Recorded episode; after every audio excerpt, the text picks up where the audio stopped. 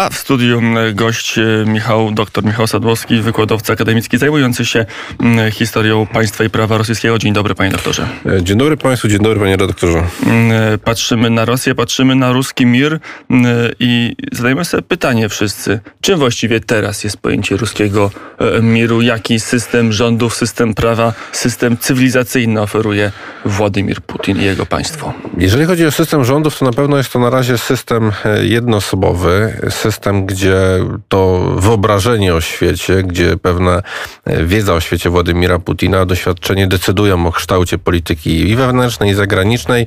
I doszło nawet do tego, że w ostatnich tygodniach eksperci rosyjscy, którzy zajmują się polityką wewnętrzną, zastanawiali się, czy poszczególne wybory e, będą w ogóle e, ogłaszane, czy to wybory gubernatorów, czy to wybory e, lokalne, czy to wybory nawet parlamentarne w przyszłości. Także do tego doszło, że to jest system naprawdę scentralizowany i w warunkach wojennych, bo to są warunki realnie wojenne, nieprzewidywalny. Natomiast jeżeli chodzi o ruski mir, to, to jest zawsze było pojęcie eklektyczne, pojęcie bardzo szerokie, bo z jednej strony kładło nacisk na ten świat prawosławny, rosyjski, jak oni nazywali to ruski, tak? Na tą łączność Białorusinów, e, Ukraińców i Rosjan, ale z drugiej strony inkorporowało sobie to pojęcie zawsze mm, chęć kontroli i zarządzania zasobami ludzkimi, terytoriami, państwami na tym obszarze Eurazji, czyli części Europy Wschodniej, e, Azji Centralnej, Syberii, Dalekiego Wschodu, Kaukazu Południowego, ale myślę, że teraz możemy to pojęcie definiować jako taką mm, ruski mir, jako coś, jako osobny twór od Zachodu, antyzachodni, sprzeciwiający się zgniłemu Zachodowi, pewną alternatywę alternatywę rozwojową dla państw, elit i społeczeństw, które nie chcą mm, Ameryki, demokracji w stylu zachodnim, praw człowieka w stylu unijnym. To jest właśnie ta, ogólnie mówiąc, y, rosyjska narracja o sobie. Od czasów Piotra I Rosja była mniej więcej uznawana za krąg cywilizacji zachodniej, oczywiście bardzo nietypowy, bardzo, bardzo specyficzny, ale jednak mieszczący się w szeroko pojętej kulturze chrześcijańskiej, w szeroko pojętej kulturze europejskiej. Teraz to się zmienia. Teraz Rosja stwierdziła, że nie ma sensu komunikować się cywilizacyjnie, kulturowo z Zachodem. Teraz mamy wojnę i to jest bardzo charakterystyczne, ponieważ y, sama decyzja Władimira Putina o wojnie była próbą narzucenia Zachodu swojej wizji Europy Wschodniej. I co ciekawe, ta decyzja została podjęta w bardzo wąskim kręgu. Y, znana ekspertka żyjąca teraz w emigracji, Tatiana Stanowaja, w ogóle wskazuje w ostatnich dniach, że Władimir Putin podjął to, tą decyzję w ogóle jednoosobową, nie słuchał się praktycznie nikogo, więc to sugeruje, że Władimir Putin sam decyduje o kierunku rozwoju, czy to współpracować z Zachodem, czy ze Wschodem. Ale to, ta decyzja o wojnie i klęska e, w tej wojny, bo ta wojna miała doprowadzić do szybkiego paraliżu Ukrainy. Nie doprowadziła, doprowadziła do konsolidacji Zachodu, do wsparcia Zachodu, e, e, wsparcia takiego, które otrzymała Ukraina ze strony Zachodu, doprowadziła do wzmocnienia się nawet państwowości ukraińskiej, idei państwa ukraińskiego, realności państwa ukraińskiego i to sprawia, że elity Rosji związane z Kremlem uznały, że teraz trzeba, i to jest taka decyzja koniunkturalna, liberalna, wspierająca Władimira Putina. A teraz trzeba przeorientować całą ideologię na samowystarczalność, na skierowanie się ku wschodowi. Natomiast, tak jak mówię, no, ta decyzja miała charakter koniunkturalny, taki wypadkowy, to jest decyzja, która jest wypadkową decyzją o wojnie i chęć przeżycia teraz w tych warunkach y, wojennych, bo mm, nie wiemy, jak to będzie dalej się toczyło. Napisał pan doktor tekst dla e, weekendowego wydania Gazety Rzeczpospolitej, tygodnika Gazety Rzeczpospolitej e, plus minus powrót Euroazjaty, ale to wynika, że to nie jest jakiś, czy to jest jakiś głębszy, no bo mamy tego Dugina, znamy mniej więcej e, ten typ myślenia w Rosji. E, wydawało się, że tam jest jakaś głębsza myśl, że to, że wojna i, i to, co wojna przyspiesza, już wcześniej istniało, że, że jakby już na Kremlu pojawiały się takie idee, że jednak e, Europa Zachodnia, jej ideały, to nie są ideały, które powinny także być obecne w Rosji. No, do czasów, można powiedzieć, tej inwazji nawet Władimir Putin, mimo że, y, można powiedzieć tak kolokwialnie, przykręcał śrubę, to on nadal balansował. On tworzył nadzieję na swoje odejście, na sukcesję mm, i nawet ten wspomniany przeze mnie słynny ekspert Dmitrij Trenin przecież był szefem ośrodka, y, który był finansowany ze środków zachodnich, ze środków Stanów Zjednoczonych. Dmitrij Trenin właśnie propagował taką podskórną... Też opowiedzmy dwa słowa Dmitrij Trenin, bo to ważna postać w tym tekście która Tak. e, pokazuje pewien dramatyczny los części e, kręgów intelektualnych rosyjskich. Tak, Dmitrij Trenin to bardzo znany ekspert rosyjski, teoretyk y, stosunków międzynarodowych, który przez lata propagował taką wizję współpracy Rosji i Zachodu, mimo rozbieżności interesów i rozbieżności us- ustrojowych, ale tym samym grupował w swoim środowisku wokół siebie grono osób, które uważało, że po Władimirze Putinie dojdzie do określonej liberalizacji, dojdzie do określonego resetu, zwłaszcza, że Rosja zbudowała Nord Stream 1, Nord Stream 2, ma wpływ na, na Niemcy, na Francję, y, Stany Zjednoczone uginały się pod pewnymi żądaniami Władimira Putina. Przecież nawet Joe Biden pierwotnie przyleciał do Genewy. To rodziło też jakieś wielkie nadzieje, że po zmianie konstytucji i wraz z, z, z procesem starzenia się Władimira Putina y, Rosja będzie się tylko wzmacniać. Natomiast tutaj nagle nastąpiło zupełne zerwanie,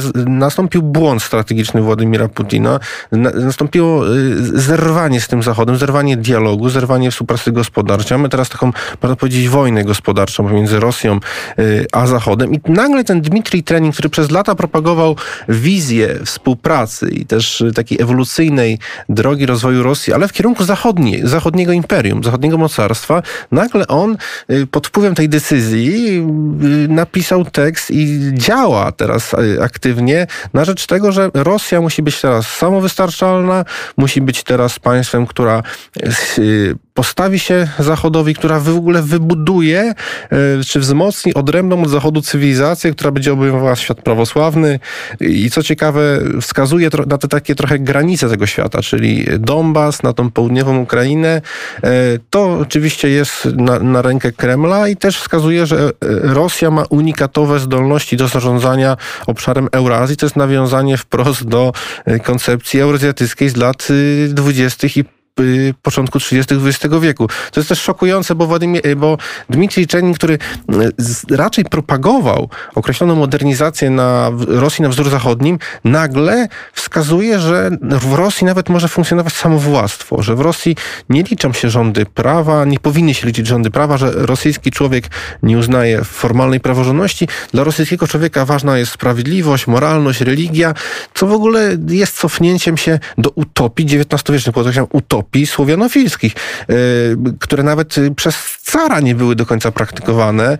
E, To pokazuje też zupełne zagubienie się elit Federacji Rosyjskiej, tych, te, które są przy Władimirze Putinie. Mm, Z drugiej strony też dygresja. E, Polska jak się ma do tych e, idei? Skoro granica ma być na Donbasie, to czy już e, Polska uzna, została uznana za świat zewnętrzny wobec Rosji, czy, czy jednak Białostoczyzna, albo może Warszawa w sumie też miasto, e, gdzie stawiano cerkwie, gdzie but rosyjskiego żołnierza był przez długi czas obecny, czy to może też jest częścią immanentną zdaniem Moskwy ruskiego miru? Na szczęście, według tych koncepcji, które teraz padają, no tak na szczęście oczywiście w cudzysłowie, ten świat rosyjski obejmuje właśnie obszar głównie Białorusi, Ukrainy. Jednak Rosjanie zdają sobie sprawę, że pójść na zupełną konfrontację, konfrontację bezpośrednią z NATO nie mają siły. Brzmią, brzmią takie tezy, że na razie trzeba zjednoczyć Białorusinów, Ukraińców, a później skupić się na ścisłej współpracy oraz określonej rywalizacji na Bliskim Wschodzie, w Azji Centralnej, na Kaukazie Południowym, żeby tam zabezpieczać rosyjskie interesy pod kątem potencjalnego rozwoju Chin. Więc natomiast, y, tak jak pan redaktor powiedział, ta koncepcja euro- euroazjatycka może być w przyszłości niebezpieczna, tak? I, mo, i dla nas, bo oczywiście pewne, e, pewne terytoria kiedyś Rosjanie uznawali za swoje na, e, na obecnym obszarze Rzeczpospolitej, Chełmszczyzna chociażby, czy Podlasie. Natomiast dla nas najbardziej niebezpieczne jest to, że według tej ideologii na południowa Ukraina i całe wybrzeże jest taką immanentną częścią ruskiego miru, no, a, od- a, a znamy, zdajemy sobie sprawę doskonale, że potencjalne od, odcięcie Ukrainy od Morza Czarnego, od wybrzeża Morza Czarnego będzie powodowało, że Ukraina no, w zakresie w sensie egzystencjalnym będzie miała bardzo ograniczone możliwości funkcjonowania. Mm, Nie chciałbym nikogo straszyć, zwłaszcza, że jesteśmy słuchani na falach FM w Białymstoku, ale e, Białostoczyzna została odłączona od księstwa warszawskiego i nie weszła w skład Królestwa Kongresowego właśnie dlatego, że była uznana za odwieczne ruskie ziemie, które nie powinny wchodzić nawet w skład kontrolowanego przez Rosję Królestwa Kongresowego, więc tutaj te zakusy były mm, widoczne. E, Panie doktorze, a, a na ile ten element ruskiego mm, miru jest atrakcyjny cały czas poza samą Rosją? No i na przykład y, Kaukaz uważa, to jest bardzo dobry koncept rozwojowy dla nas. Znaczy, jeżeli, jeżeli chodzi o państwa Kaukazu Południowego, to one wolą być teraz z Rosją i w ograniczonym stopniu, podkreślam, w ograniczonym stopniu e, z Rosją współpracować, bo wiedzą, że mogą być następne po Ukrainie. Czyli to jest bardziej strach i obawa przed e, utratą swojej państwowości niż e, przed chęcią, realną chęcią współpracy, bo jednak zarówno Armenia, e, Azerbejdżan, jak i Gruzja, a nawet zwłaszcza Armenia, teraz widzimy wielką, wielkie zbliżenie z Unią Europejską, Stanami Zjednoczonymi. To właściwie ambasador Stanów Zjednoczonych w Erywaniu e, też zwraca uwagę, które firmy rosyjskie mogą wejść na armiański rynek, które, które nie, mog nie mogą. E, natomiast ja bym podkreślił, że to jest też idea eurazjatycka, tak? że to jest to, troszkę coś jeszcze innego niż ten rus, ruski mir i tam niebezpieczne jest to, że ta idea eurazjatycka wzbudza po raz kolejny w Rosjanach nadzieję, a być może wizję, utopię, że da się znaleźć jakąś trzecią albo czwarte, czwartą drogę rozwojową. I tylko, że jak historia pokazuje, oni nie potrafili znaleźć tej trzeciej, czwartej takiej konkretnej drogi rozwojowej. I na przyszłość może to rezonować tym, że mm, e, na, nawet kiedy będą warunki do rozwoju, e, czy do zmiany Rosji, na razie tego nie ma za bardzo, ale mogą wystąpić takie warunki, zwłaszcza, że społeczeństwo rosyjskie do 40 roku życia, ono funkcjonuje, ono nie ma za bardzo wpływu na, na te struktury państwowe jeszcze, ale może wystąpić jakieś okienko zmian, tak, w Rosji, czy nawet po przegranej wojnie. Natomiast ta idea y, dla wielu kręgów, zwłaszcza dla imperialistów, dla takich y, mega patriotów, hura patriotów, dla wojska, dla służb, dla intelektualistów daje taki ładunek tego, że Rosja dzięki surowcom, dzięki obszarowi, e, dzięki doświadczeniom e, nie może być nigdy demokratyczna, nie może być nigdy y, ciut, ciut odrobinę liberalniejsza, że model przedstawicielski powinno się budować nie na podstawie wyborów, ale na podstawie mianowania. To jest też istota tego mojego artykułu. I to jest bardzo niebezpieczne, że mm, petryfikuje w Rosji też wizję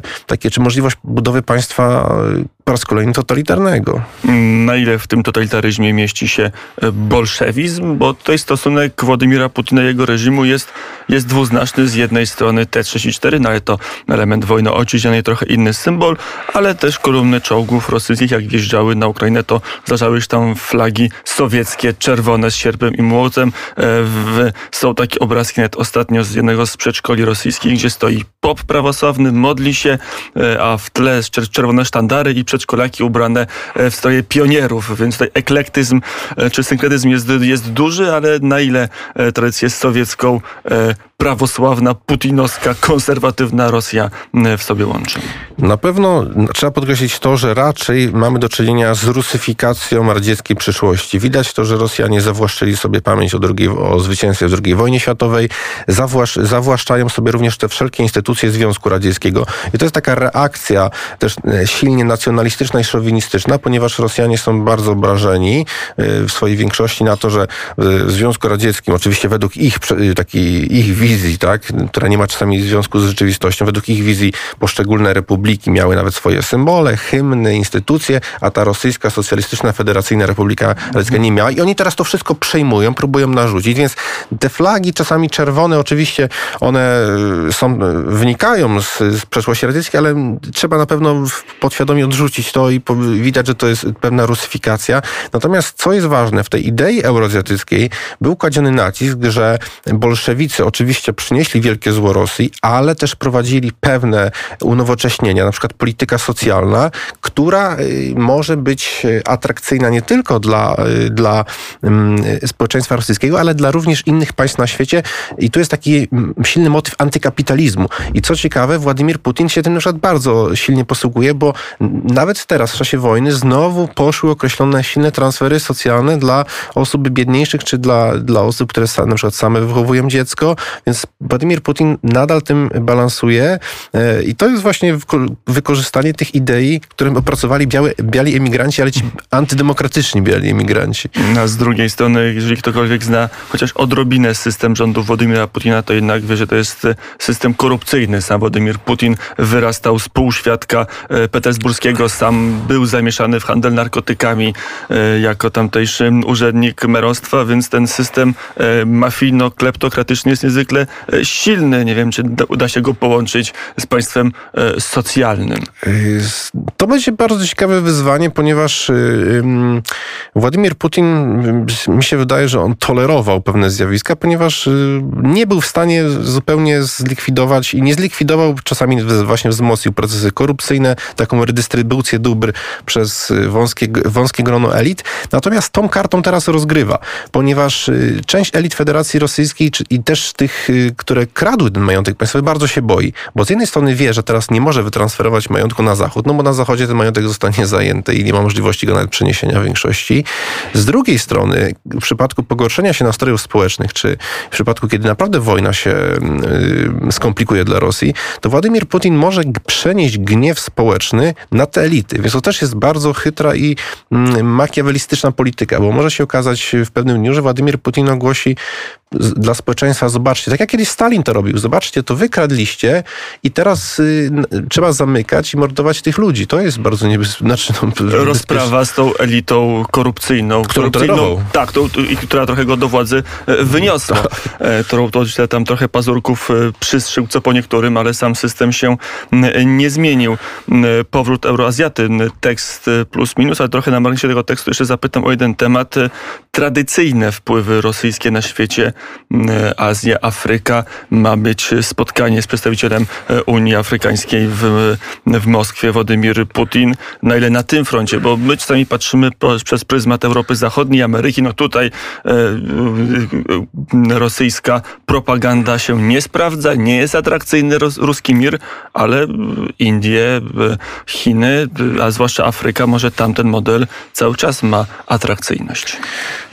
Znaczy on jest na tyle atrakcyjny, jeżeli na przykład dane państwo prowadzi politykę antyamerykańską, yy, czy też potrzebuje osiągnąć określone interesy ekonomiczne, no bo nawet ostatnio rozmawiałem z ekspertami rosyjskimi, czy też osobami, które teraz w ostatnich dniach wyemigrowały z Federacji Rosyjskiej. One zwracają uwagę, że jednak te towary, czy to z Ameryki Południowej, czy to z Chin, czy to z Indii, pojawiły się teraz na, na rynkach rosyjskich, w supermarketach i to jest jednak yy, wpływ realnej współpracy, nie tylko ekonomicznej, ale właśnie jakichś takich w, w, związków politycznych i to, i to może być kluczowe, bo to może przeżyć y, Federacji Rosyjskiej ten pierwszy okres wojny, no i też wyhamować y, te negatywne nastroje y, społeczne, czyli to jest, no ale takie państwa jak Chiny czy Indie są też dojrzałymi już państwami, one sobie zdają sprawę, że, że, że Rosja jest w niekorzystnym bardzo położeniu i one się przypatrują co dalej, tym bardziej, że tak jak powiedziałem, model euroazjatycki jest, w tym artykule też on jest rozpisany, tylko problem jest taki, że y, na razie w Federacji Rosyjskiej rządzi Władimir Putin i on